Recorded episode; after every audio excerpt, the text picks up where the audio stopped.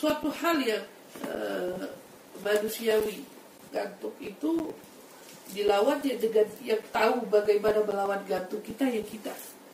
Bahkan caranya dengan apa ya tahap-tahapnya pada saat kita tahajud kemudian kita mengantuk kita mandi atau mungkin kita menyiapkan air di samping kita di sebelah kita kemudian kita mengusapnya. Dan pada saat kita bangun tahajud dengan niat yang tulus betul-betul ingin ibadah kepada Allah Subhanahu wa taala maka cara itu kita minta sama Allah ya Rabb hamba ingin beribadah kepadamu bantu aku bantu untuk aku melawan kantukku. Sehari dua hari kantuk itu pasti akan terlalu itu. Kalau waktu malam mau tidur perut jangan kekenjangan